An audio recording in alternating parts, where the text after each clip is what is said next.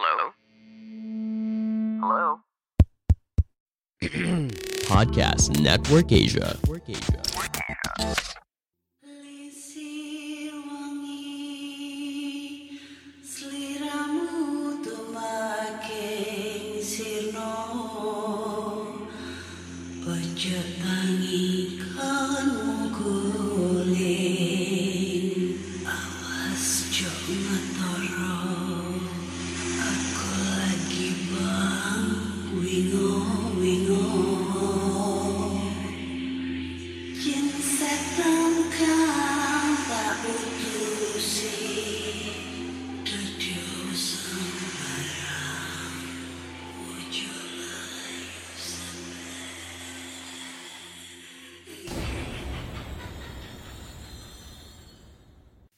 Hai Rek, ya apa kabar Ketemu lagi dengan aku si Ana di podcast kisah horor.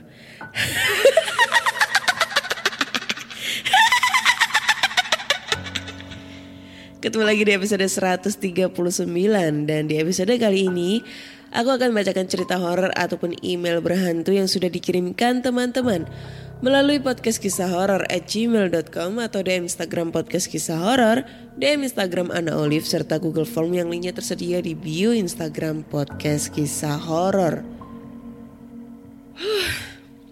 Sorry banget ya, seharusnya hari Kamis kemarin itu jadwalnya aku up episode terbaru. Banyak banget yang DM kok nggak ada episode terbaru kak, nggak ada yang nemenin waktu kerja nih dan bla bla bla bla. Kemarin sempet nggak enak badan ya guys, jadi dua hari berturut-turut pulang kerja itu kehujanan terus sehingga ngebuat flu, batuk, terus ditambah aku juga sering minum es gitu kan, akhirnya serak ngomong juga nggak bisa. Tapi alhamdulillah sekarang udah mendingan nih suaranya tinggal bindeng doang nih. Pilek kan lagi flu itu akhirnya suaranya jadi sengau gitu. Sangau sengau. Sengau ya bukan sange ya kayak gitu. Jadi belum bisa up episode episode terbaru gitu. Ntar dulu. Terus karena podcast kisah horor sekarang udah bisa didengerin di Noise dan di Noise tersendiri juga bisa nih. Kalian bisa komen-komen ya, komen-komen cerita-cerita podcast kisah horor terbaru nih.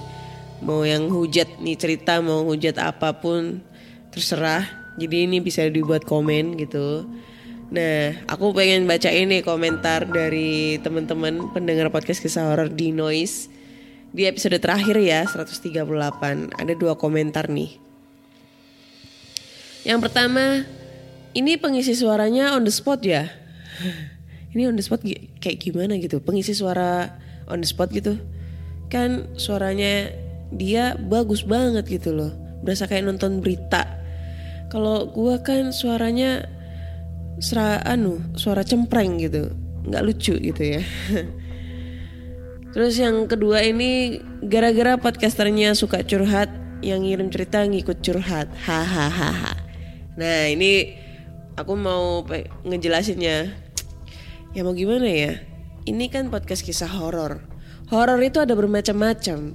Ada horor ketemu setan, ada horor ketemu mantan, ada horor diputusin, ada horor ditinggal pas sayang-sayangnya, ada horor juga pas waktu makan bareng sama doi disuruh bayar eh, doinya minggat ke mana gitu ya itu horor banget bagi aku. Jadi kalau misalnya aku di opening itu aku selak-selak curhat ya tentang mantan itu termasuk cerita horor bagi aku. Paling horor banget buat aku gitu kan. Jadi ya bebas dong mau cerita horor apa aja. Yang penting temanya horor gitu.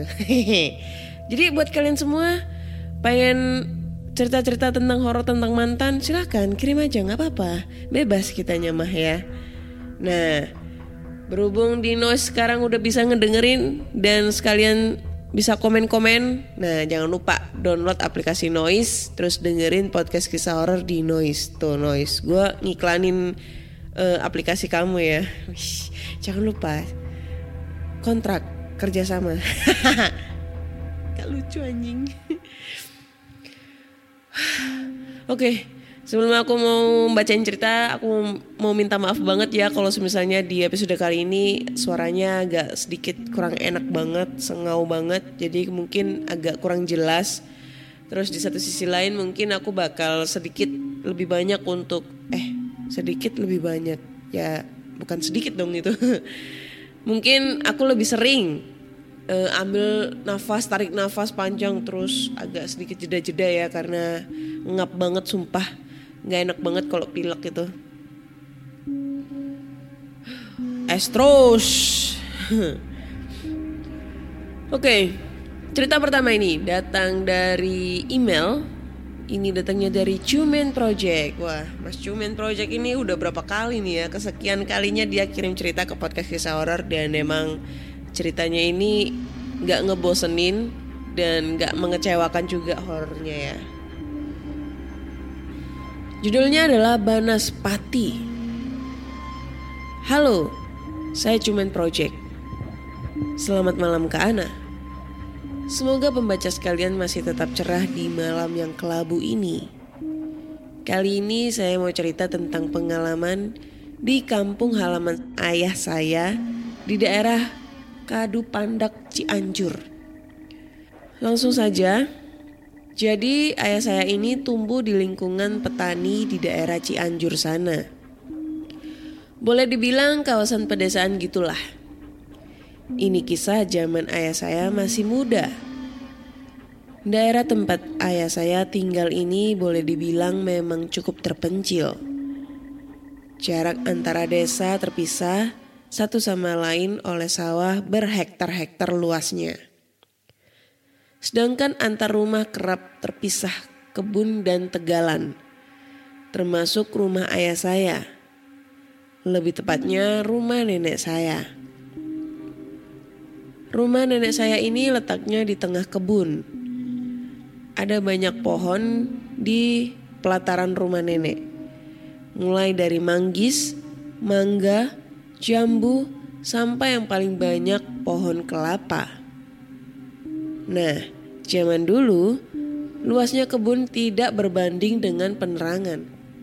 Kalau malam tiba, suasana langsung gelap seketika. Maklum, waktu itu belum banyak yang kuat pasang listrik. Alhasil penerangan di rumah-rumah warga murni mengandalkan lampu minyak dan petromak. Nenek saya selalu mengingatkan anak-anaknya supaya nggak keluar kalau sudah gelap. Kebun dan sawah yang luas bisa menjadi tempat berbahaya.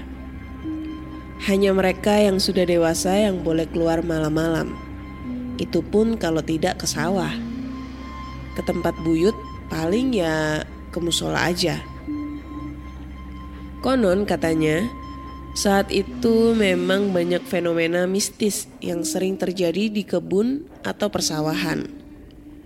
Pernah pada suatu malam ada tetangga yang berniat ingin mencuri kelapa di kebun. Namun bukannya memperoleh hasil, ia malah ditemukan sedang teriak-teriak ketakutan. Usut punya usut, menurut pengakuan dia, ternyata dia melihat kepala banteng dengan mata merah menyala. Tanpa badan, mengejar dia memutari kebun. Kejadian semacam ini terjadi bukan hanya sekali, namun berkali-kali. Utamanya ketika ada pencuri yang ingin mencuri sesuatu di kebun. Ada yang bilang bahwa setiap kebun memang punya penunggu sendiri-sendiri. Nah, tentang mistisnya kebun dan persawahan ini, ayah saya dulu pernah mengalami kejadian yang mungkin sampai sekarang bakal terus ia kenang.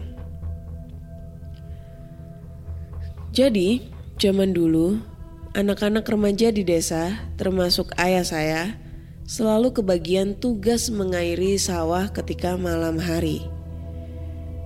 Tugasnya sebenarnya mudah, mengikuti jadwal gilir pompa air untuk mengairi petak sawah lalu menyerahkan ke pemilik petak sawah untuk giliran selanjutnya.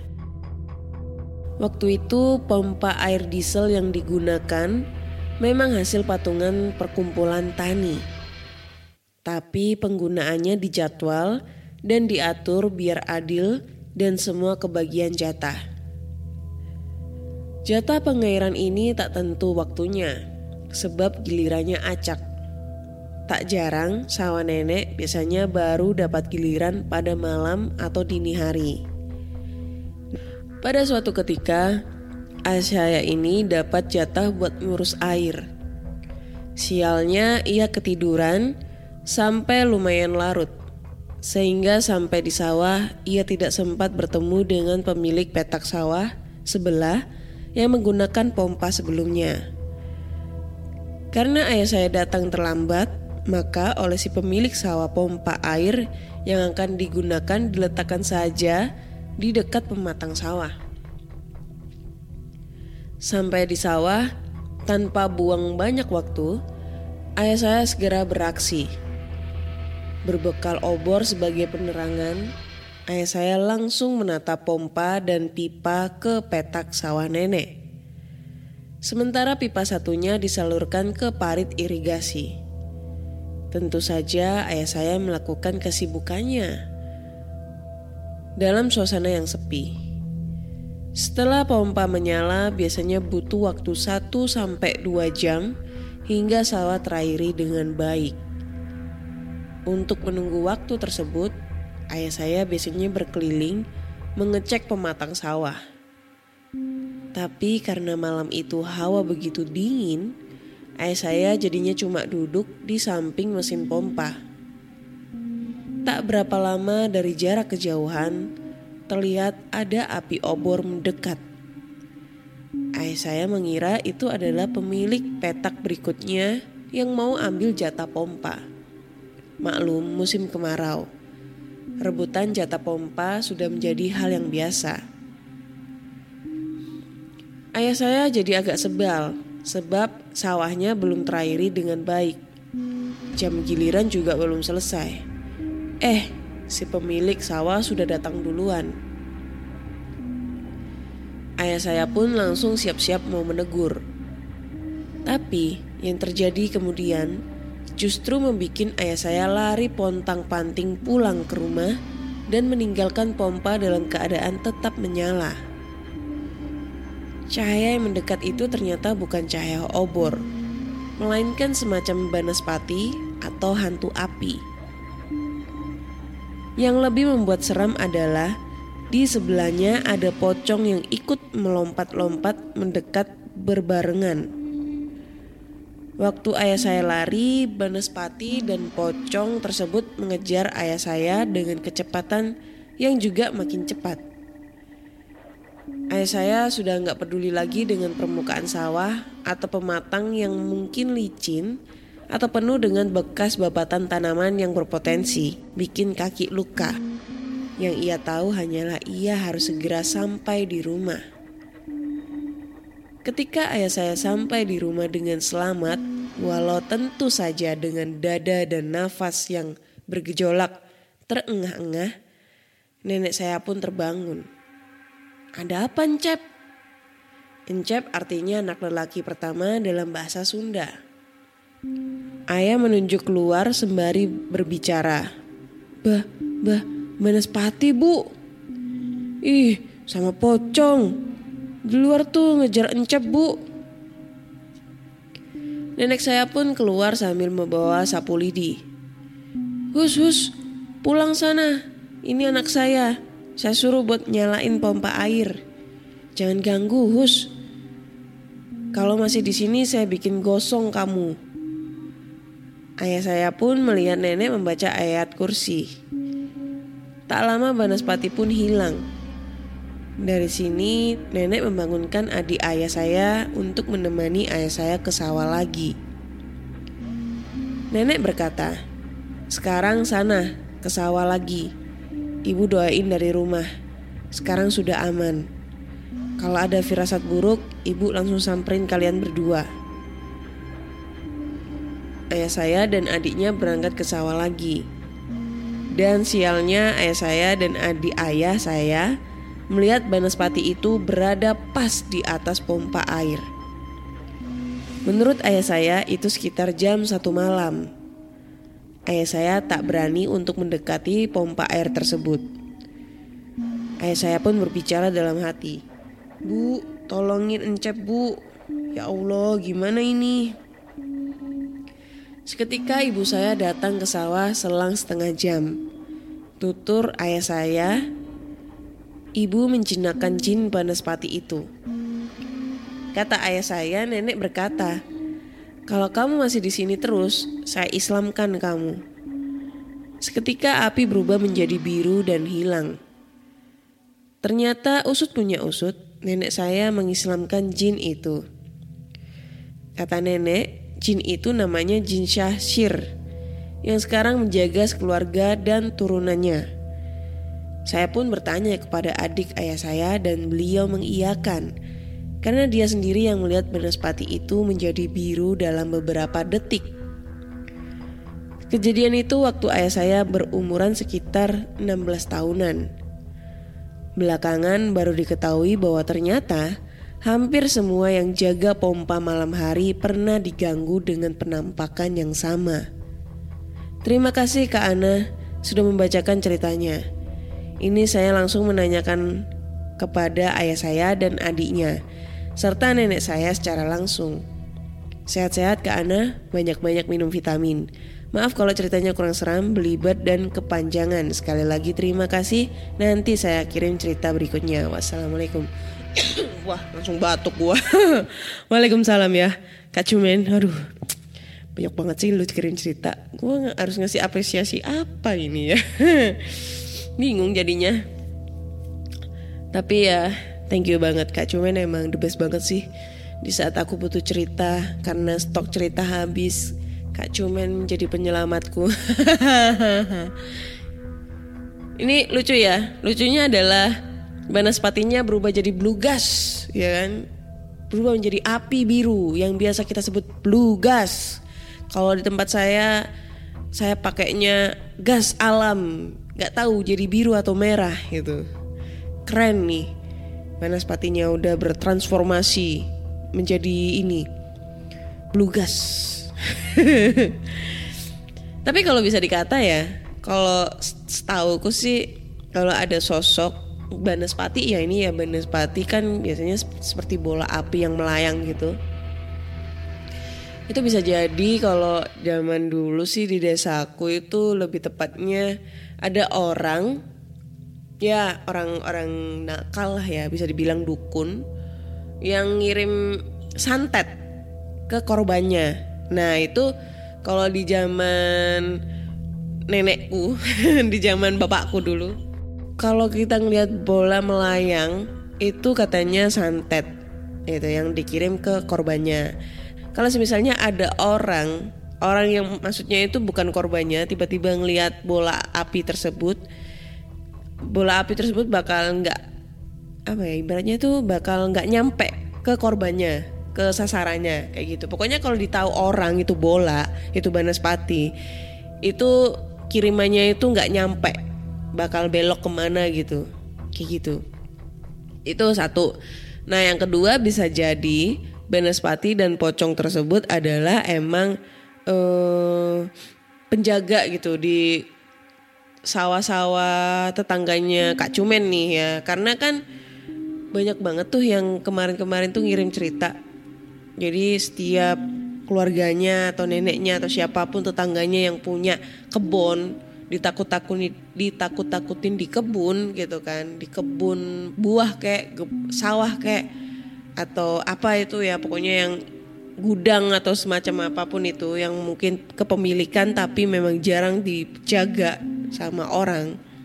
Itu emang biasanya sengaja ditaruh sosok makhluk goib gitu di situ yang fungsinya menjaga lokasi tersebut agar pada saat ada orang nakal nih yang bermaksud untuk mencuri itu ditakut-takutin dengan sosok tersebut sehingga si pencurinya itu nggak jadi mencuri kayak gitu. Ini biasanya sih sering banget nih yang kirim cerita kayak gini udah banyak banget. Nah itu bisa jadi dua dua kemungkinan itu karena Banaspati itu adalah sosok orang yang memang mengirim santet yang kedua adalah sosok yang emang ditugaskan untuk menjaga sawah tetangga-tetangganya itu kan. Nggak tahu tetangga siapa karena kan emang sawah itu kan berpetak-petak nih. Jaraknya kan cuma sejengkal-sejengkal doang, selangkah-selangkah doang gitu. Jarak sawah tetangga-tetangga gitu kan. Gitu. Thank you Kak Cumen buat ceritanya ya, the best banget nih ceritanya, keren. Oke, next kita lanjut ke cerita berikutnya. Wah ceritanya kayaknya bagus banget nih, panjang juga nih. Cerita berikutnya ini eh judulnya adalah lima tahun terbelenggu ulah usil mereka. Wih keren nih ceritanya. Apa judulnya? kayaknya keren nih ceritanya ya. Kamu lagi mau mengembangkan podcast kamu, tapi bingung caranya bagaimana? Mulai dari sisi performance-nya, menentukan rate konten kamu, sampai bagaimana cara memonetisasinya. Nah, coba deh cek Podmetrics. Podmetrics adalah platform yang bisa membantu kamu untuk lebih mudah melihat performa konten podcastmu. Lalu melalui Podmetrics, kamu juga bisa menentukan rate podcastmu melalui data yang tersedia serta bisa juga memonetisasi kontenmu dengan champion-champion dari brand yang cocok dengan podcastmu. Bahkan, Podmetrics juga bisa membantumu untuk mendapatkan inspirasi dalam membuat iklan pada podcastmu dengan contoh iklan yang sudah tersedia. Nggak ketinggalan juga, sekarang Podmetrics juga ada fitur Pod Earnings dengan berbagai metode pembayaran. Sehingga memudahkan kamu untuk mendapatkan penghasilan dari Podmetrics. Jadi, kalau kamu seorang podcaster, pastikan kamu mendaftar Podmetrics dengan memakai Podmetrics referralku. Klik langsung aja podlink yang ada di deskripsi box dalam episode ini. Halo kak, aku Bella. Bukan nama sebenarnya, tapi panggil saja aku Bella. Aku dengar podcast kakak di Noise. Widih, thank you ya Bella. Ini baru pertama kali nih pendengar Noise kirim cerita. Aku mau berbagi cerita kak tentang kisahku yang mendadak selama lima tahun diusili oleh mereka. Siapa tahu kakak tertarik dan bisa membagikan ceritaku ke para pendengar Noise. Aku mulai cerita ya kak. Jadi, Aku bukan indigo ataupun anak yang terlahir dengan indera keenam. Tapi aku peka dan bisa merasakan hal-hal yang tidak bisa kita lihat. Cuma sebatas itu saja. Jadi biasanya kalau aku berada di tempat yang ada penunggunya, mataku pasti buram. Kepala pusing seperti ingin pingsan. Tapi aku tidak bisa melihat mereka ya kak. Kisah dimulai saat aku masuk kuliah di tahun 2013. Aku berkuliah di Yogyakarta. Selama enam bulan pertama berkuliah, aku tinggal di rumah budeku di daerah Maguwo Harjo. Aku berkuliah di salah satu universitas di sana. Dari awal tinggal di rumah budeku, aku merasa seperti diganggu Pernah suatu sore menjelang maghrib, keluarga budeku mendadak diributkan oleh aduanku di mana kamar yang kutempati berbau anyir darah yang cukup busuk, seperti bau darah haid wanita. Padahal saat itu aku tidak tengah haid. Yang paling membingungkan, hanya aku yang bisa mencium bau darah itu. Aku bahkan menunjuk sudut kamarku. Meminta para sepupu dan pembantu budeku untuk mencium sumber baunya. Tetap hanya aku saja yang bisa mencium bau itu. Mereka malah menganggap aku berhalusinasi. Lalu, pernah di lain waktu, aku berada sendirian di rumah budeku. Di mana pada waktu itu, bude dan anak-anaknya tengah pergi ke bandara untuk menjemput Pak Deku yang baru pulang dari Jakarta. Sedangkan pembantu Budeku meminta izin padaku untuk pergi ke minimarket untuk membeli beberapa barang. Lalu pada saat mandi, Kejadian di waktu maghrib juga. Aku mendengar suara kran toren seperti diputar. Toren berada di ruang cuci, dekat dengan kamar mandi. Jadi sangat jelas bunyinya. Saat itu kupikir budeku atau pembantunya sudah pulang. Ternyata tidak, Kak. Aku memang sendirian. Aku pun bercerita pada mereka setelah mereka pulang. Lagi-lagi mereka menganggapku berhalusinasi. Masih di waktu maghrib, di hari yang berbeda. Saat itu aku tengah makan malam sendirian di lantai satu. Aku hanya bersama kakek dan sepupuku yang masih SMP.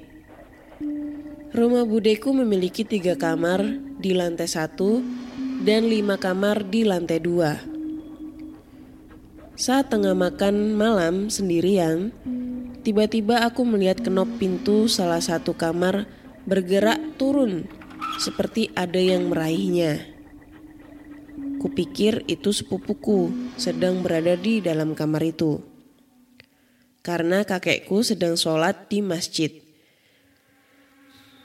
Aku tenang-tenang saja dan memutuskan untuk makan. Setelah selesai, aku segera naik ke lantai dua karena kamarku ada di sana. Ternyata, sedari tadi sepupuku ada di lantai dua. Dia sama sekali tidak ke kamar itu. Lantas, apa yang membuka pintu kamar tadi? Aku pun bercerita pada pembantu budiku. Dia percaya padaku, tidak menganggapku berhalusinasi karena pembantu budiku bercerita. Pernah suatu kali di pagi hari, ia bermaksud membersihkan rumah. Saat menuruni tangga dan melihat ke kamar itu, ada sosok wanita duduk di tepi ranjang. Membelakanginya, sedang menyisir rambut panjangnya. Pembantuku memilih untuk pura-pura tidak melihat karena keluarga budiku tidak percaya dengan keberadaan makhluk itu. Aku hanya bisa bercerita dengan pembantu budiku. Tahun 2014, aku memutuskan untuk ngekos dan keluar dari rumah budeku. Kosku lumayan besar, tiga lantai dengan fasilitas kamar mandi dalam di tiap kamarnya. Suatu hari teman SMA ku yang berkuliah sama-sama di Yogyakarta datang. Dia berniat menginap semalam di kosku. Dia bercerita, dia tidak bisa tidur. Saat kutanya alasannya, dia memberitahuku bahwa selama semalaman ia mendengar derap langkah kaki di depan kamar. Kamarku berada di ujung lorong sehingga tidak mungkin dilewati oleh penghuni kos lainnya. Kemudian di antara jam 2 atau 3-an, dia mendengar suara kran kamar mandi kamarku berbunyi seperti ada yang sedang mandi. Temanku memutuskan untuk tetap tidur. Belum berhenti sampai di situ.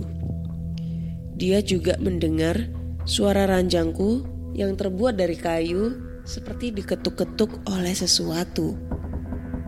Anehnya, aku tidak mendengar semua itu. Hanya temanku yang mendengar. Masih di tahun yang sama, Malam itu jam 8 malam ada acara kampus. Karena kami masih mahasiswa baru, sehingga banyak rangkaian acara berkelanjutan dari ospek. Saat itu aku berada di lantai dasar gedung program studiku. Aku berniat menuju lantai tiga melalui tangga. Aku sendirian menaiki tangga dengan lampu yang tidak terlalu terang. Saat sampai di persimpangan tangga antara lantai dasar dan lantai satu, temanku, sebut saja Apit, muncul dan menyapaku dengan sangat ramah. Aku cukup terkejut karena selama ini Apit tidak pernah menyapaku. Aku pun tidak mau membalas sapaannya. Apit pun turun ke lantai dasar dan aku melanjutkan naik ke lantai dua karena tujuanku di lantai tiga. Di persimpangan tangga antara lantai satu dan lantai dua, lagi-lagi aku bertemu Apit. Dia diam saja dan sama sekali tidak menyapaku. Dia bersama teman-temannya menuruni tangga menuju lantai satu. Aku tertegun dan bingung. Bagaimana bisa aku bertemu dua Apit dalam waktu yang berbeda? Beberapa detik saja. Lalu, yang mana Apit yang sebenarnya? Sebenarnya ada banyak cerita, Kak. Cerita-cerita ini yang kualami secara langsung. Gangguan-gangguan ini baru berakhir di tahun 2019 lalu. Jadi kurang lebih selama lima tahun, aku kerap diganggu hal-hal ini. Ada salah satunya di 2018. Aku melihat kepala terbang di kamar mes tempatku menginap selama dinas kerja. Wajahnya seperti terbakar tanpa tubuh, hanya leher saja. Jika kakak tertarik oleh ceritaku, bisa kakak balas pesanku ya kak. Dengan senang hati aku ceritakan semua runtutan gangguan ini sampai bagaimana akhirnya aku berhenti diusili oleh mereka. Terima kasih sudah membaca pesanku kak. Oke, Thank you Bella buat ceritanya ya. Aduh ya tertarik banget lah gue untuk ngedengerin cerita selanjutnya ya. Jangan lupa kirim ceritanya ke podcast at gmail.com. Aduh pindeng. ya ditunggu ceritanya selanjutnya ya Bella ya. Aduh gue apresiasi banget nih karena ternyata Bella adalah uh, salah satu pendengar noise yang kirim cerita ke podcast kisah horor karena selama ini uh, biasanya kita dapat cerita dari pendengar di Spotify ya tapi ini Bella dari Noise. Thank you Bella buat apresiasinya ya. Gue nggak bisa ngomong dengan nggak uh, bisa berkata apa-apa gitu loh. Bangga banget dengan diri aku sendiri. itu ya kalau aku bisa jelaskan mungkin ya namanya manusia itu kan ada uh, setiap manusia lah kalau kalau nggak salah ya ini mohon maaf kalau misalnya aku salah. Kalau aku salah diralat aja nih. Setiap manusia itu punya kepekaan sendiri-sendiri atau bisa dibilang setiap manusia itu punya indera keenam. Tapi eh, bermacam-macam nih kepekaannya. Ada yang diasah, ada yang tidak diasah. Ada yang udah terlihat, maksudnya udah terlihatnya ini udah sekelebat-sekelebat Nah itu kalau misalnya kalian asah itu dengan ya nggak tahu asahnya dengan cara gimana, nanti kalian bisa melihat secara langsung nih, secara live, face to face, eye to eye gitu kan.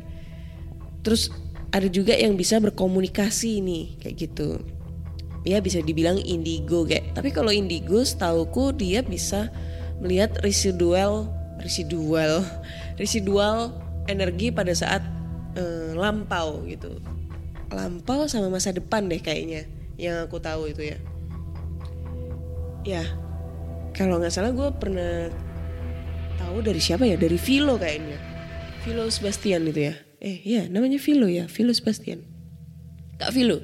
Jadi uh, aku pernah dengar dia uh, di salah satu channel YouTube yaitu videonya itu kalau dia bilang kalau indigo itu bisa dibilang dia bisa ngelihat kejadian lampau dan kejadian masa datang gitu. Mendatang. Jadi misalnya nih ketemu orang jepret wah ke depannya ini dia bakal matinya begini. Lu bentar lagi bakal mati kayak gitu. Ibaratnya bisa meramal gitu masa depan kayak Mbak Yu gitu ya. Almarhum Mbak Yu. Nah itu itu bisa dibilang indigo. Tapi kalau misalnya kayak Bella gini ini bisa dibilang six sense-nya dia itu uh, agak sedikit terbuka gitu. Jadi dia bisa ngelihat sosok-sosok walaupun mungkin tidak begitu jelas tapi setidaknya dia bisa peka gitu dengan hal-hal apa pun. Contoh kayak gue gue itu sebenarnya nggak bisa ngelihat nggak bisa ngelihat apa pun tapi gue itu pengen banget rasanya pengen ngelihat cuma kalau disuruh ngerasain maksudnya ngerasain wah kayaknya di sana tuh kayak ada orang deh atau apa. Nah itu bisa. Semua orang pasti bisa. Ngedengar suara-suara kayak kemarin kan seperti cerita-cerita sebelumnya yang udah aku selipin di episode-episode sebelumnya itu kan aku sering diganggu kayak kemarin di kamarku ada suara ketawa kuntilanak terus ada suara-suara orang nangis ada suara-suara eh, kayak benda digeser-geser di luar kamar. Nah itu salah satu eh, six sense aku gitu kepekaan aku ada gitu tapi hanya sekedar bisa ngedengar gitu tapi tidak bisa melihat diriku pengen melihat gitu. Tapi susah gitu kayaknya ya. Kayak gitu. Jadi mungkin Mbak Bella bisa deh kayaknya diasah lagi kepekaannya supaya banyak cerita banyak apa ya banyak terjadi sesuatu hal yang tidak diinginkan seperti ketemu eh diinginkan dong. Sesuatu hal yang diinginkan seperti ketemu setan-setan yang akhirnya menimbulkan suatu cerita dan ceritanya bisa dikirim ke podcast kisah horor gitu ya. Supaya aku dapat ide cerita lagi nih supaya dapat narasumber cerita lagi gitu oke kayaknya gitu aja sih thank you eh, Kak Cumen, Kak Bella untuk ceritanya di episode 139 kali ini. Ditunggu untuk cerita-cerita selanjutnya ya kakak-kakak sekalian. Oke, terima kasih semuanya udah ngedengerin podcast kisah horor sampai detik ini ya, sampai di episode 139. So, buat kalian semua yang pengen kirim-kirim cerita, punya cerita-cerita horor entah itu pengalaman kalian sendiri, ayah, ibu, kakek, nenek, kakak, adik, plat eh pelacur Astagfirullah pacar pelakor ya gitu.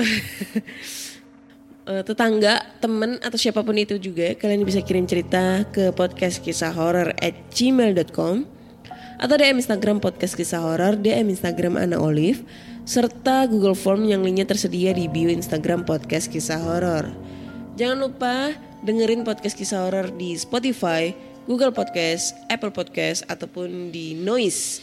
Karena sekarang podcast kisah horor udah bisa didengerin di Noise. Jangan lupa juga follow Instagramnya podcast kisah horor biar bisa swipe up gitu ya. Thank you semua sudah ngedengerin sampai detik ini. Mohon maaf kalau misalnya eh, di episode kali ini agak sedikit terganggu eh, dengan suara aku, agak begitu kurang fit. Semoga eh, ke- esok hari kita semua diberikan kesehatan selalu ya, jaga kesehatannya semuanya. Thank you semua dan bye bye.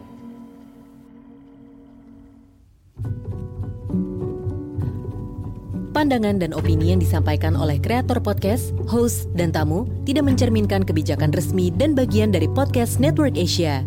Setiap konten yang disampaikan mereka di dalam podcast adalah opini mereka sendiri dan tidak bermaksud untuk merugikan agama, grup etnik, perkumpulan, organisasi, perusahaan, perorangan, atau siapa pun dan apa pun.